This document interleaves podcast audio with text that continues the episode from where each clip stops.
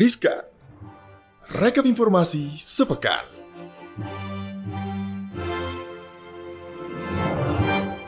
Hai hai hai, selamat pagi, selamat siang, selamat sore Sobat Cuan semuanya Apa kabar? Ketemu lagi kita ya di sini di Riskan atau Rekap Informasi Sepekan Dan kali ini bersama gue Syarifah Rahma dan ada siapa di sini? Ada aku Eksis in Eksis. Hai sobat cuan. Gak berasa ya kita udah sampai di akhir pekan lagi setelah melewati hari-hari yang mungkin berat ya buat sobat cuan dalam mencari cuan-cuannya tapi semoga tetap cuan gitu ya. Betul, sudah sepekan nih ya kita lalui bersama dan pasti juga ada informasi-informasi yang perlu Sobat Cuan perhatikan ya tentunya dalam Betul. satu pekan ini dan kita mulai dari informasi yang pertama ya Eksis ya ini Iya, kira-kira benar. ada apa ini? Ini ada yang lagi hits banget dan pastinya relate banget ke semua sobat cuan gitu ya. Ah nggak tahu juga sih kalau kita sih masih statusnya ya mirip-mirip Relate ya.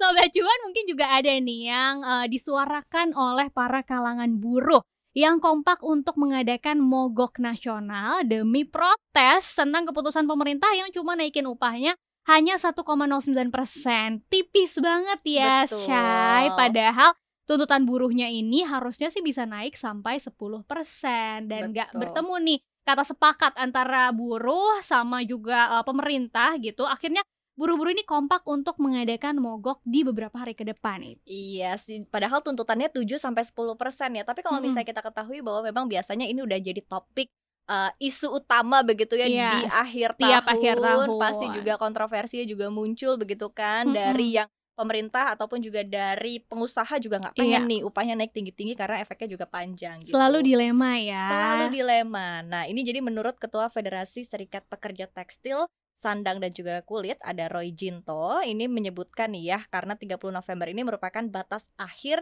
penetapan upah minimum kabupaten kota atau UMK oleh gubernur maka rencana untuk upah minimum ini akan mogok untuk dua hari. Jadi para buruh ini Waduh. rencananya akan mogok massal begitu ya dari tanggal 29 hingga 30 November 2021 sehingga mogok akan berlangsung sebelum penetapan UMK dan setelah penetapan UMP. Oke, nah ternyata nih bukan cuma nominalnya aja nih yang jadi masalah buat para buruh, Iva. Jadi para buruh ini menuntut juga pemerintah supaya tidak menggunakan aturan yang sudah ada, yaitu PP 36 tahun 2021 sebagai dasar perhitungan.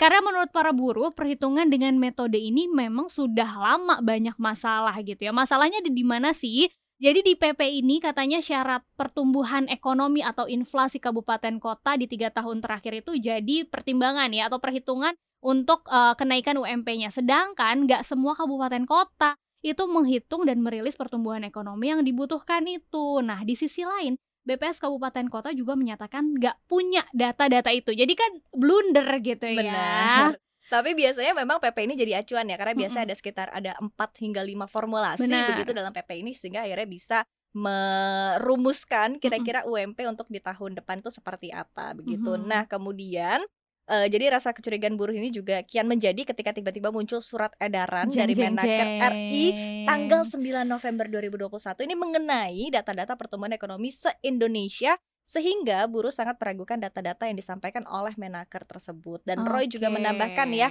dalam sejarah pengupahan ini baru kali ini Mm-mm. Indonesia dalam penetapan upah minimum 2022 diatur mengenai ambang batas dan juga Oh, ambang gitu. bawah dalam penetapan upah minimum. Nah, jadi jika misalnya penerapan upah ambang atas dan ambang bawah ini diterapkan, jadi Mm-mm. sudah dapat dipastikan upah buruh beberapa tahun ke depan ini tidak akan naik, kalaupun naik rupanya kecil sekali nih, Cis. Cuman Astaga. sekitar 18.000 ribu rupiah aja ya ampun, ya ampun kenaikannya. rasanya ingin ikut mogok kerja lo enggak Sampai Jangan kita mendapatkan gitu. gaji, kita artinya masih berstatus buruh Iya sih? bener, ya ampun gila. Bayangin ya kalau misalnya cuma setiap tahun naiknya 18.000 rupiah. Apakah kita akan kembali ke zaman kerja Rodi nih ya? Kayak gitu.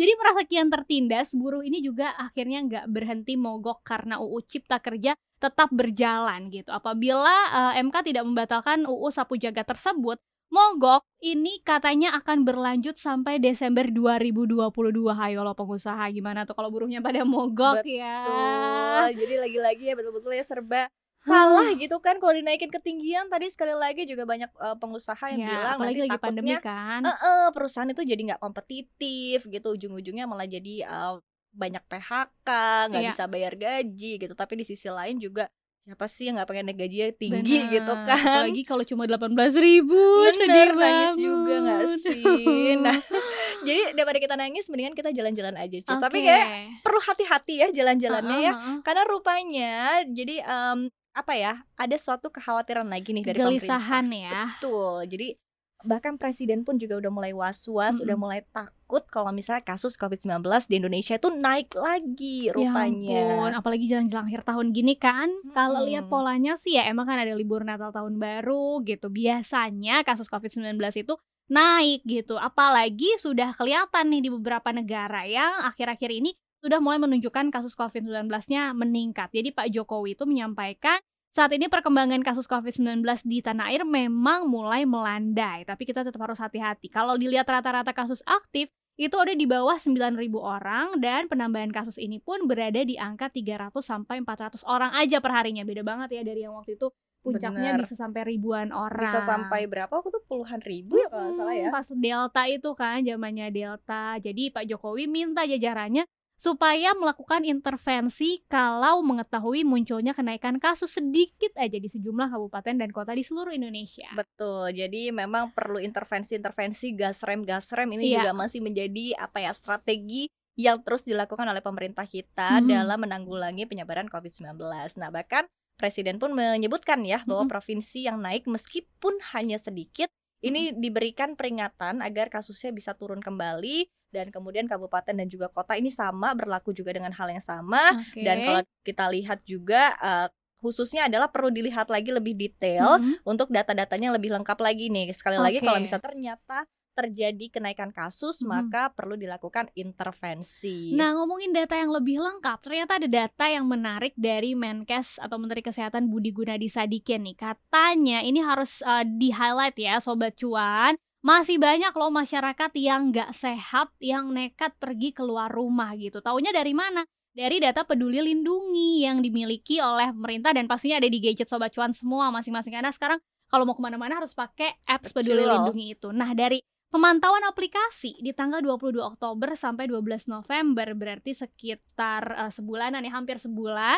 tercatat aja sebanyak 52 juta nih ya bukan ribu bukan ratus 52 juta 939 ribu 944 orang yang Detail ya. pakai aplikasi ini dan diperbolehkan masuk. Oke, ini yang masih diperbolehkan masuk ya. Mm-mm. Tapi ternyata ada 17.590 orang yang positif COVID-19 yang Wow. beraktivitas juga di fasilitas publik seperti mall tapi pasti nggak diperbolehkan masuk. Betul. Tapi 17.000 ribu orang positif COVID-19 udah jalan-jalan keluar Mm-mm. rumah, itu aja sesuatu yang cukup bikin speechless ya, Cis ya. Ini ayo dong kita bisa bisa bisa yuk. Kalau udah positif, udah diem di rumah aja, jangan ke mana-mana dan jangan sampai nularin ke orang lain gitu iya, kan. kasihan banget soalnya ya, apalagi kalau misalnya yang tertular yang lansia atau justru yang anak-anak gitu kan. Jangan sampai ya kejadian lagi yang dejavu gitu kan tahun eh, pertengahan tahun ini ketika Delta menghantam terus naik lagi deh jadi puluhan ribu amit-amit coy, Bener, coy, malah coy, jadi coy. PPKM di mana-mana, malah jadi Heeh. kemudian ekonomi juga terkontraksi lagi gitu. Nah, tapi Mm-mm. ngomongin soal PPKM, ya. rupanya tampaknya ada uh, Aduh, sebuah apalagi kita kan udah level 1 kan ini. Iya udah udah happy ya udah bisa keluar ke mall ya. Tapi udah rupanya untuk sahabat cuan semua yang pengen jalan-jalan jauh, Mm-mm. khususnya ketika libur Natal dan juga tahun baru ini udah mulai Oke. harus dipersiapin ya. Karena rupanya pemerintah ini menerapkan aturan baru yaitu akan menerapkan PPKM level 3 nih Balik lagi Nataru. kita ke Bener. seluruh wilayah Indonesia ya termasuk Betul. juga yang udah level 1 ya termasuk kayak Jabodetabek gitu. Jadi Menko Pembangunan Manusia dan Kebudayaan Pak Muhajir Effendi itu menyatakan kebijakan ini dilakukan supaya memperketat pergerakan orang dan pencegahan lonjakan kasus COVID-19 gitu. Jadi nanti seluruh wilayah di Indonesia eh, termasuk yang level 1, level 2 semuanya akan sama rata pakai level 3 lagi. Ini tapi jangan jadi akal-akalan kemudian liburnya jadi sebelum level 3 ya. Betul, nanti udah udah ketahuan udah aturannya sekarang. kan. Perginya pokoknya tanggal 24 deh maksimal udah pulang. Ah, ah, iya kan itu mulai berlaku 24 Desember sampai 2 Januari 2022. Oh, 23 berarti pulang. Iya, itu sobat cuan ya. Jangan sampai ya diakal-akalin karena ini semua aturannya pasti udah dipertimbangkan sama pemerintah supaya yang terbaik gitu kan, supaya nggak ada lagi peningkatan kasus di akhir tahun gitu. Betul. Jadi sekali lagi ya, pokoknya kita ayo dong bersama-sama bisa yuk kita tetap ya Mm-mm. menjaga diri dengan protokol kesehatan Benar. dengan tadi ya menuruti aturan-aturan dari pemerintah supaya kasus ini lagi-lagi bisa dikendalikan gitu. Iya, Nah, jadi semuanya mau beraktivitas boleh, kerja boleh gitu ya. Kalau bosen di rumah sebentar boleh keluar asalkan tetap memakai protokol kesehatan yang ketat gitu ya. Termasuk juga buat PNS nih. Kayaknya ada pengetatan juga buat PNS Betul. ya. Ada aturan baru lagi nih. Sabar ya buat PNS karena harus jadi eh, pedoman gitu kan contoh buat karyawan-karyawan lainnya dan masyarakat Indonesia karena ada aturan baru siap-siap mulai tahun depan sistem penilaian kinerja pegawai negeri sipil atau PNS itu akan diubah lagi. Yang awalnya penilaian dilakukan secara sistematis oleh pejabat penilai, saat ini akan diubah jadi hasil dari kinerja pegawai tersebut. Nih maksudnya gimana sih nih?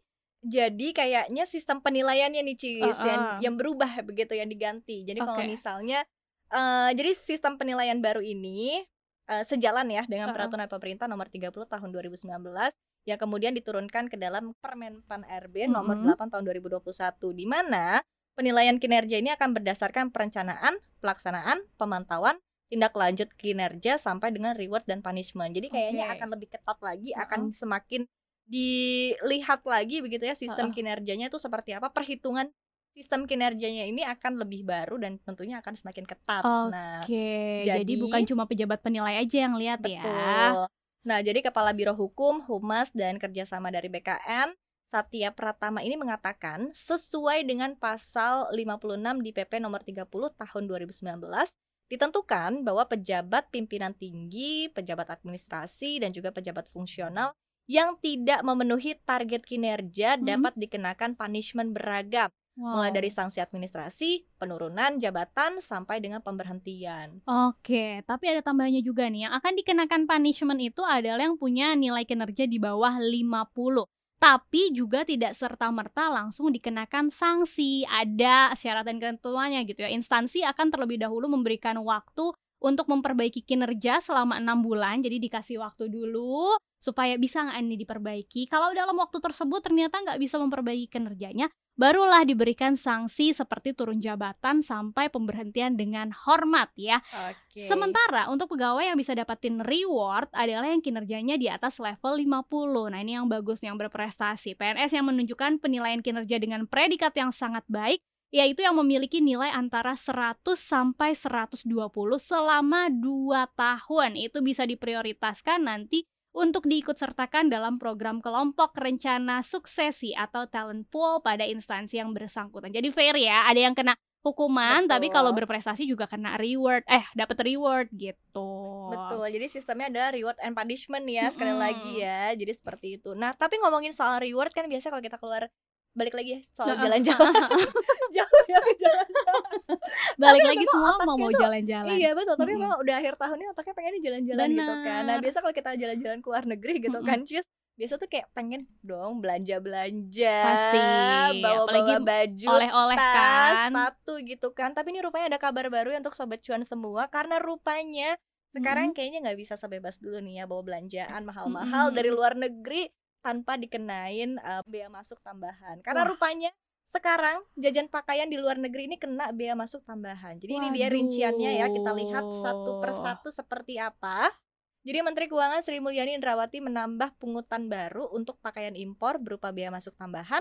Tambahan biaya ini dilakukan melalui pengenaan bea masuk tindakan pengamanan atau BMTP atau safeguard. Oke, jadi udah ada ternyata aturannya di Peraturan Menteri Keuangan Nomor 142 Tahun 2021 tentang pengenaan bea masuk tindak pengamanan ya tadi BMTP terhadap produk impor pakaian dan aksesoris pakaian yang berlaku sejak 12 November 2021 kemarin. Nah, biaya tambahan ini juga berlaku buat barang bawaan penumpang dari luar negeri, tapi dikenakan untuk pakaian yang harganya, nah ini ada harganya ya, di atas batas yang ditetapkan pemerintah. Berapa sih yang di atas ditetapkan pemerintah, Iva? Nah, jadi ini dia ya, harganya adalah berdasarkan PMK 203 tahun 2017. Barang bawaan yang dikenakan bea masuk ini di atas 500 dolar Amerika Serikat. Oke. Artinya, Harga baju di Hmm. atas 7 juta rupiah dengan kurs 14 ribu Oke. rupiah per dolar Amerika Serikat dengan dikenakan akan dikenakan tarif berlapis. Berarti Jadi- aman lah ya. Ini jangan aman dong, berarti kita sobat Miss Queen dong. Kalau katakan aman. Siapa Tapi tahu sejauh ini aja. aman lah ya kalau kita Tapi harus dinin, ini 7 juta rupiahnya per baju atau gimana ya? Harus dicek lagi ya. kayaknya per baju ya per baju ya. lihat ya. Berarti ya masih harusnya sih aman ya. Kecuali sobat cuan ada yang crazy rich gitu kan, yang kalau beli baju tuh sampai 10 juta gitu ke atas. nah Benar itu kalau cuannya udah luar biasa kan ya. Benar, jangan sedih gitu kan. Jangan-jangan ada gitu karena sering dengerin CNBC gitu kan. Ternyata beli baju aja 7 juta. Kebeli ah gampang gitu.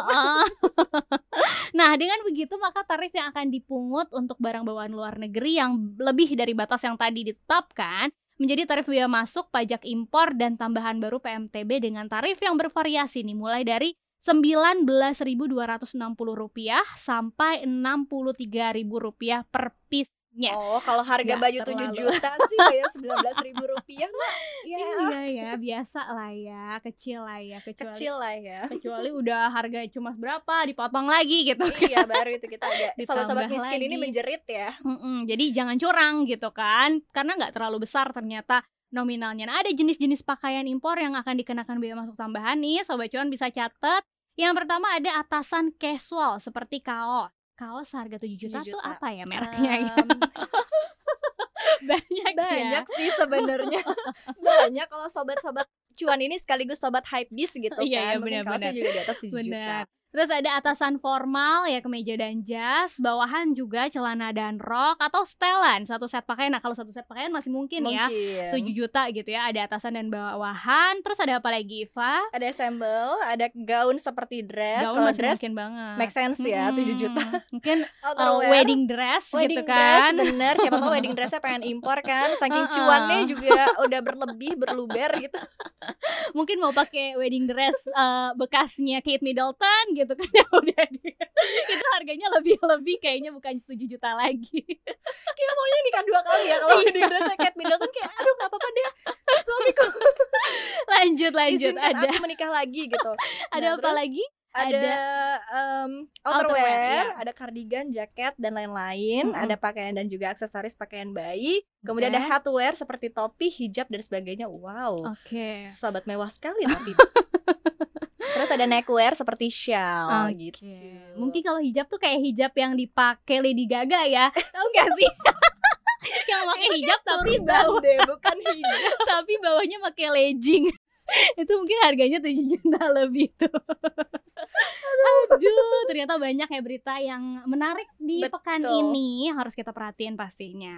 Nah itu dia ya. Jadi buat kamu sobat cuan semua yang pengen dengerin kira-kira sepekan depan nanti ini kira-kira ada berita Mm-mm. apa aja yang menarik, jangan lupa untuk terus dengar podcast cuap-cuap cuan di Spotify, Apple Podcast, Google Podcast dan juga Anchor. Benar, jangan lupa juga follow Instagramnya dong pastinya Karena ada IG live juga ya setiap hari Jumat Follow Instagram cuap-cuap cuan di @cuap underscore cuan Subscribe juga YouTube channel kita di cuap-cuap cuan Jangan lupa di komen, like, dan share sebanyak-banyaknya Yes, dan gue Syarifah Rama pamit. Saya Exis Nexis susah ya Aku Exis Inexis pamit undur diri Bye. Sampai jumpa See you sobat cuan semua.